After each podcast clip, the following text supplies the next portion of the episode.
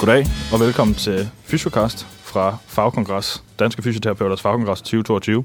Jeg har været så heldig at uh, få lov til at snakke med Peter Maliaris. Is that correct? That is correct. Great. uh, om lidt om senere. Og uh, lad os bare starte. Peter, welcome. Thank you very much. Would you uh, please introduce yourself? Yeah, sure. So my name's uh, Peter Malliaras. I'm a physiotherapist from Melbourne, Australia. I work at Monash University four days a week, and then I work in private practice one day a week.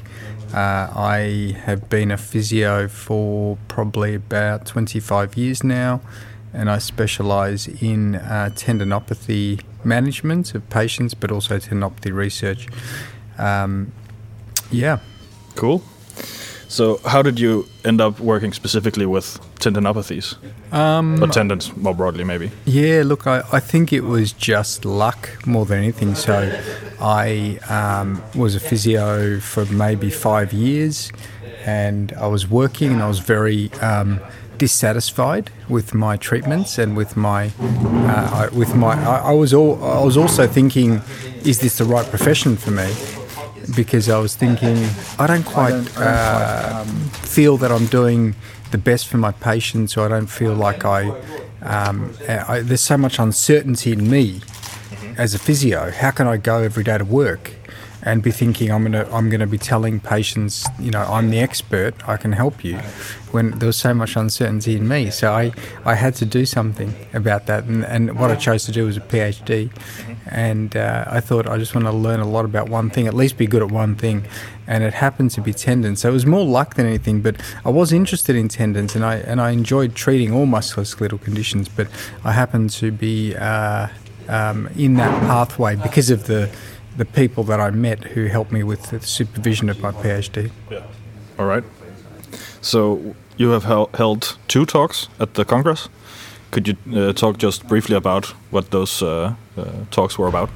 Sure. So the first one was on Achilles tendinopathy, and it was on uh, trying to translate uh, the evidence that we have into management for Achilles tendinopathy. So I talked about how the current evidence for exercise is developing and it's positive, and we know exercise is probably a good idea, but we don't know specifically how to actually implement the exercise and we don't know you know which is the best exercise and how to do it.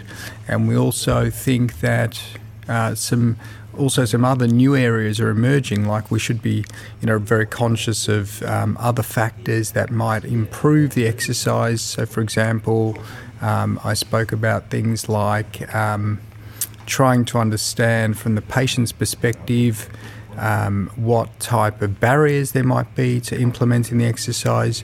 Are there sort of fears, or is there you know anything else that self-efficacy or poor adherence, things like that, that we can improve and we can maximise with the implementation of the exercise to make it more effective?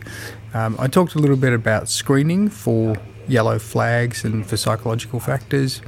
Um, there must have been more because it went for an hour, yeah. but I, I, can't remember now what else yeah. it was. Something I noticed yeah. was um, identifying subgroups of tendinopathies. Yeah. These people who were, mm. I, I, can't remember the specific uh, names you gave them, but some who were active despite pain and uh, didn't have you know classic uh, signs of tendinopathy if yep. you looked specifically at the at the tendon and then mm. a couple of, of upper groups other groups could you maybe talk a bit about that yeah sure sure so there's that that really came from a paper by Shawn Hanlon um, Shawn Hanlon is a physical therapist from the United States, and he's part of uh, Karin Silbernagel's group. And they have recently published a paper where they looked at trying to uh, do exactly that subgroup people with tendinopathy, with Achilles tendinopathy specifically.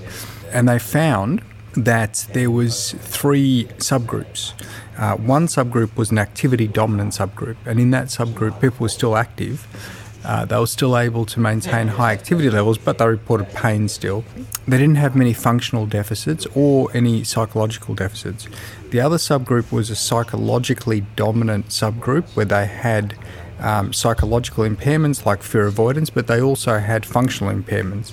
And then there was the structural subgroup where they had uh, more structural tendon pathology as well as the functional impairments. So, although it's only one small study, it gives us an idea that, as we know as clinicians, people, uh, it's a very heterogeneous group. Achilles tendinopathy, they're not all the same.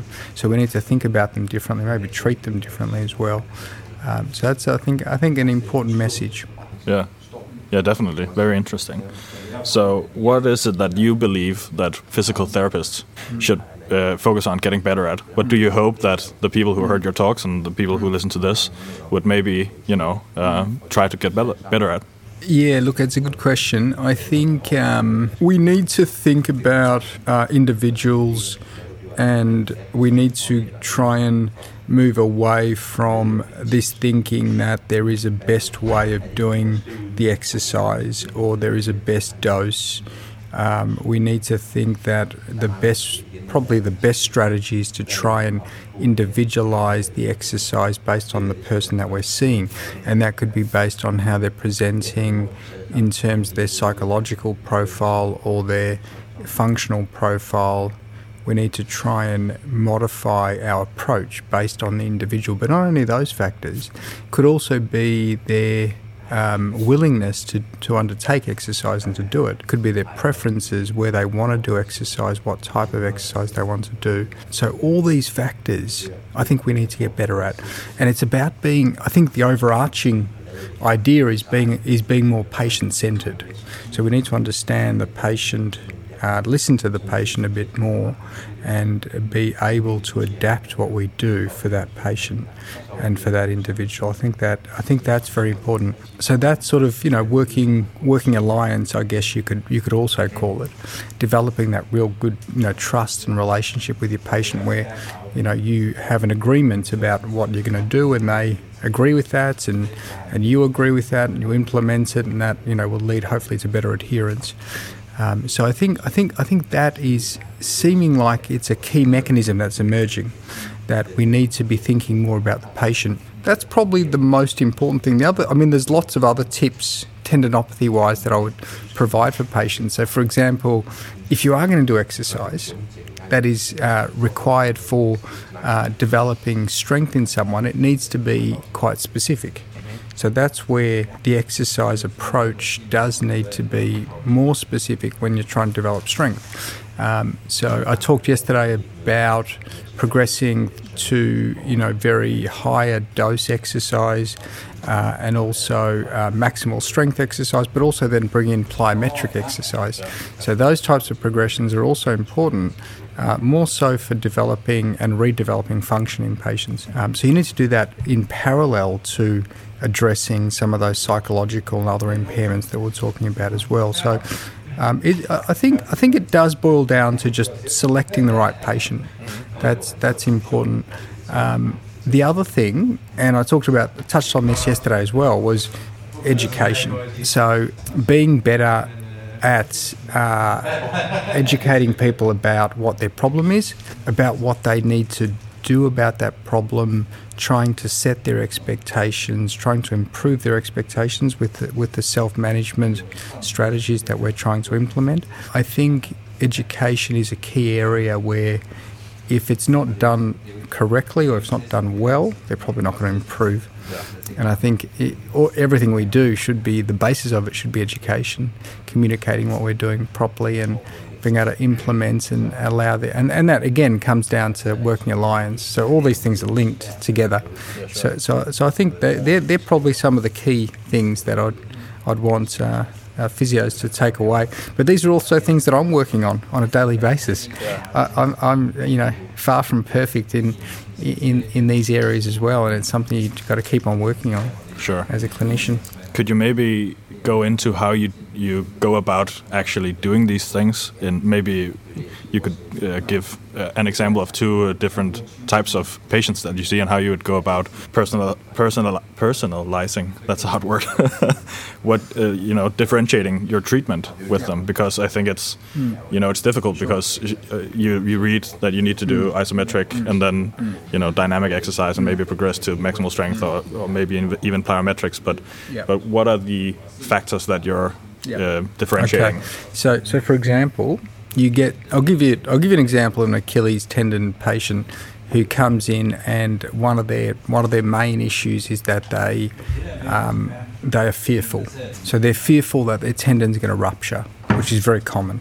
So uh, the way that I would screen that is I give them a Tampa questionnaire before they come, kinesiophobia questionnaire, and then they answer those 17 questions and I review those 17 questions before I see them and in those questions I'll get an indication of if they're fearful and what they're fearful of. So then in the treatment if that seems to be the most dominant thing that they're presenting with in the treatment I will then um, address specifically the fear elements with education with um, you know, motivational interviewing, trying to understand their beliefs, understand why they're fearful, um, trying to challenge those beliefs.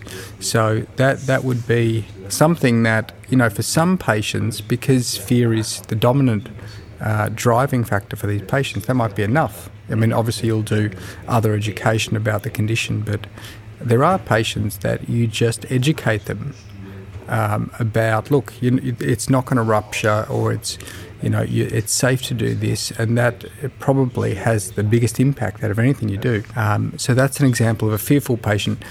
On the other end of the spectrum, you might have a patient who is um, has more of a functional presentation. So they are not very fearful, but they um, are still very active and possibly too active, and you know uh, they go through periods of flare up because they're they're being too active, and um, potentially they also have um, you know functional impairments. So someone like that. Um, it's probably again going to come down to education about load management and being sensible with the loading they're doing. Um, but there also might be uh, functional impairments that we're looking to develop in that person. And that's where you're starting to look at the specific exercise interventions, maybe leading to plyometric exercise as well.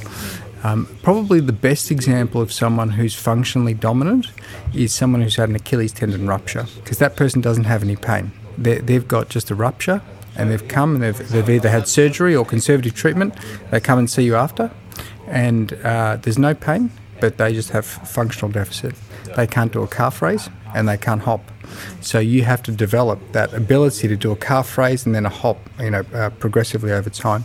So, uh, so that's that's an example of how uh, that is a that's an extreme case of that's a functional impairment that you're dealing with there.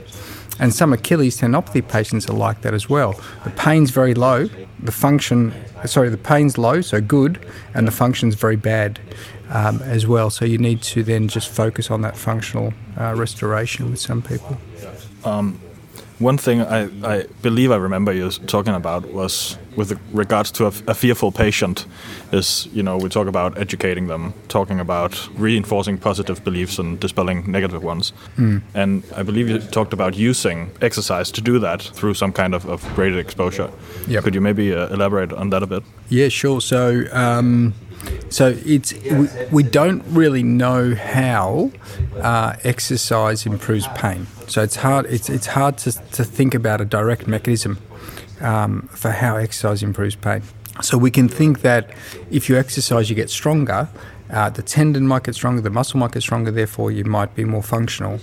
Um, but with pain, it's a little bit harder to think how it's going to improve. So potentially, the mechanisms are are mediated through psychological mechanisms. So it could be via improvement in self efficacy, or it could be via improvement in kinesiophobia.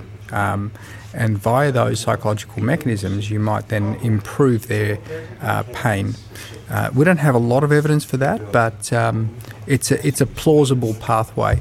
Um, so potentially, if you're looking at exercise in that way, what you need to do is you need to make sure they have a healthy understanding of pain, because otherwise the approach could actually backfire if you are trying to load them and they're still thinking that pain is damaging, they're not going to have those improvements in fear with yeah. the exercise. So you're going to set up a safe environment for them to load where they start to see pain sort of in the right frame and they're not thinking that they're going to damage themselves with loading. And they start to see that loading is possible and they can load and they can load heavier and it's not painful or it doesn't make them worse. And that's when they start to reduce their fear and that's when possibly their pain improves as well. So that that's that's I think that's the mechanism that we're looking for. But it's also self-efficacy. So if you get someone to do a lot of exercise, more and more and more and more over time, they start to get better at it. They start to feel like they, and even today um, in the talk by Anna uh, I think it was. She was talking about mastery of exercise, which was interesting. And that makes sense because you get someone to do a lot of exercise. The more they do, the better they get at it, the more self efficacy they have, the more they believe they can do it. So I think via those mechanisms, I think possibly pain improves as well. So that's a pathway that is interesting, and I think we need to. I, am I'm, I'm really interested in, in, in trying to understand that pathway a bit more. I don't think there's much that has been done, as far as I know. But I'll be looking at the literature actually um, to check because I, I'm not sure. I know in tendinopathy there's not much, but in other areas there might be. Sure. Yeah. So, what what rules of, of thumb maybe do you use when you do use uh, exercise um, with painful patients? Uh, you talked about acceptable pain. Mm. Sometimes you hear mm. about in, in some of the studies, it's you know uh, on the uh, VAS or NRS scale, it's mm. below three or four yep. or something. Yep. And and you talked about acceptable pain. Yep. Is that the the term you use?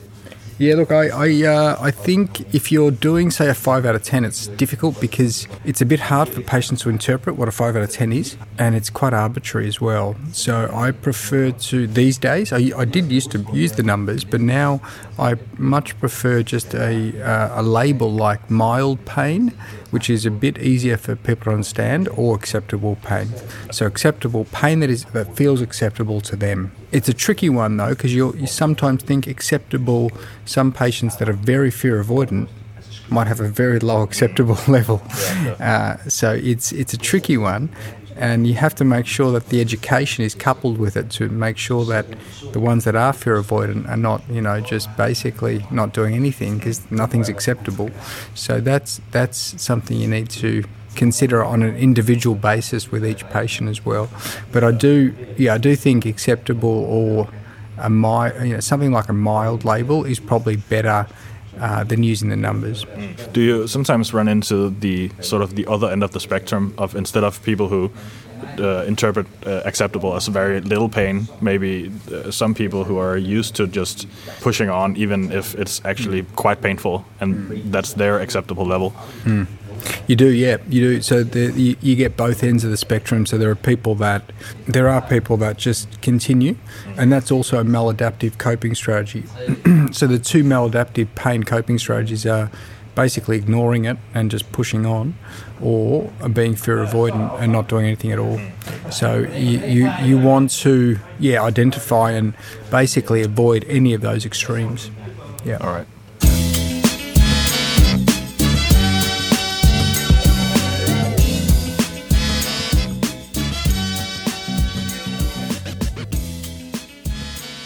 When you talked about you know progressive loading, you work people up to quite high intensities. Uh, what was it? Two times body weight in seated calf raises. That's quite a lot. Is, is that your common practice? Do, do you do that generally with uh, any types of patients? Yeah, look, it's it's um, it's a good question, and and that's probably one of the tips that I was alluding to earlier when I said, in general, I think physios don't load heavy enough. Yeah.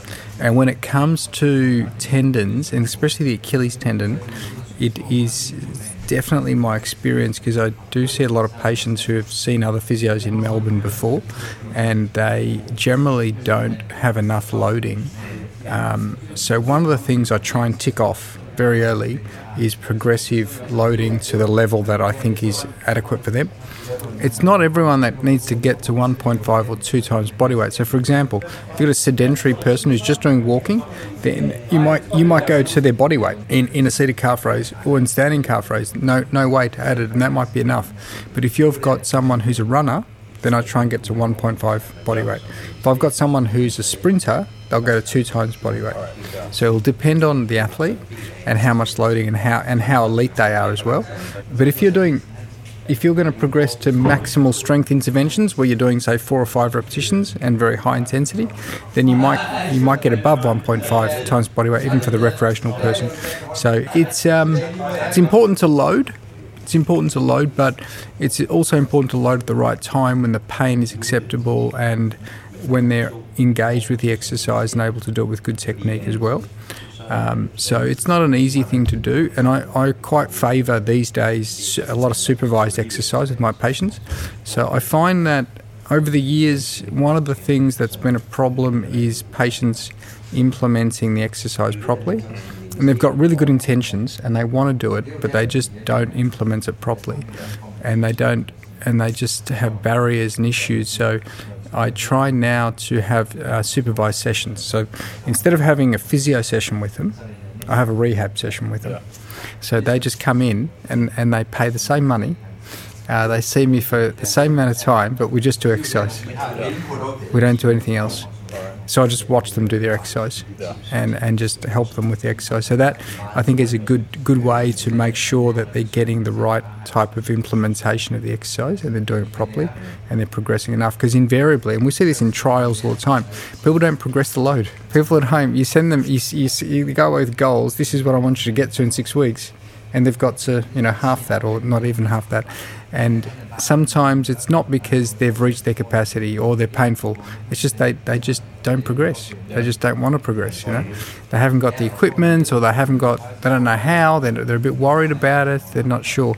So I think patients and physios are a bit avoidant to, to progress the loading, and that's something to, to consider in terms of your rehabilitation. Yeah, it's it's it's nice to be. Um confirmed in, in my own suspicions because I, I, don't have a lot to, to go on but but that's ex exactly my experience is that uh, both that physical therapists mm. don't go to very high intensities mm. generally mm. partly because of equipment and you know mm. at home training and, and stuff like that mm. but but also that patients aren't used to doing that either so how do you go about getting people to do that, basically? Because you know, especially older patients who just haven't been in a gym before, maybe, mm. and and suddenly working at, at quite high intensities is mm. difficult for them, I guess. It is, yeah. It's I think it's all about education and uh, developing their their efficacy expectations, so their ability, their expectation that they'll be able to do it so their, their, their self efficacy in doing the exercise. And I think it comes down to a very good explanation of this is important for this reason, so telling them why it's important, and then also very good explanation of exactly how they would do it, supported by, say, videos or, you know, a diary they can keep or things like that that can help them to implement. Um, so anything you can do to help that behaviour change, but also, you know, really thinking about them understanding why they need to do it. Because if you tell someone, look, just go and do 101.5 kilos, you know, put put 150 kilos on your knee and do calf raises, they're going to think you're crazy. Yeah. uh, uh, but if you explain to them that we've got research that shows this is what you should be doing, and you're here at the moment, you should be here, that it's quite powerful. And also, if you can see, if you can show them differences side to side. So I, I get them into the Smith machine in my clinic, and I test one side versus the other, and not many patients don't have. Most patients have a have a deficit side to side, so I can show them that one side they can do 100 kilos, the other side they can do 130, and that's and that's a very good reinforcement that they have got a real impairment there, and they need to address that. And and and often they haven't they haven't uh, been shown that before because no one specifically addressed the strength or no one specifically measured the strength. They might have said, "Oh, look, I think you're a bit weak." But not not in an accurate way where they have really sort of engaged with it. So I think accurate assessment is also very very important because it then sets your goal. This is what you need to get to. So you're at 100 kilos now. You need to get to 130 it also allows you to monitor over time and be accurate with your monitoring and it and it does focus them because they can see clearly And most patients will get up from the machine and say, "Oh, I, I didn't realise I was that weak," you know. And that's and that's I, I love hearing that because it, it then makes me think they're going to do it. Also, the opposite is not good when there's no deficit. So they're 130 on each side, but they've got all this pain. So then you start thinking, and that's what we were talking about earlier, the subgrouping. Mm. So you start thinking, okay, this person they're not they're not dominant by function. Yeah. There's something else going on for this person. Yeah. So it's useful, but it's not for me. It's not as satisfying because I like working on strength. Yeah. That's what I enjoy doing. So I, I, I like the patients that I can take them through that progression. Mm. Yeah, I guess it gives you very clear mm. goalposts mm. to go by. Exactly. Um, exactly. And it's our bias as, as physiotherapists. That's what we that's what we like doing. That's what we're sort of good at, I think. Yeah. But we should get better at the other things as well. Yeah. So so I get what what do we do then when we get into a situation where maybe maybe there is a deficit or there isn't one, but we can improve function, but pain doesn't improve. For mm. example, where there's this divorce mm. between you know the mm. two effects of of this intervention. How yeah. do you uh, address yeah, look, that? That that is a tricky one because it is quite common. You you're working with someone, their pain improves, uh, so their strength improves, and and I think strength or you know if you do strength well, with a with a good um, with a good intervention and you monitor them well, they, they will improve. They'll get better strength over time. Um, you can pretty you know pretty much guarantee that, even though in a lot of the trials we see strength doesn't improve, and that's because the intervention usually is not very good. But uh, or maybe not the intervention; it's not implemented well. Um, the adherence is poor. But if you if you follow them up, generally they'll get stronger. But it doesn't guarantee their pain will get better over time. So you still have you still have to do all the other things for pain. And I think it's tricky because um, we have to accept that and we have to educate people about the expectation that pain's going to take longer to improve. So if you're working with a tendinopathy and they've got persistent pain, you're looking at six plus months for their pain to improve, but strength could improve in 10 weeks. So um, I think it's education around that, to be patient and the pain sensitization because you're talking about a sensitized nervous system and, and we know that with a sensitized nervous system it's going to take a long time to unwind those changes.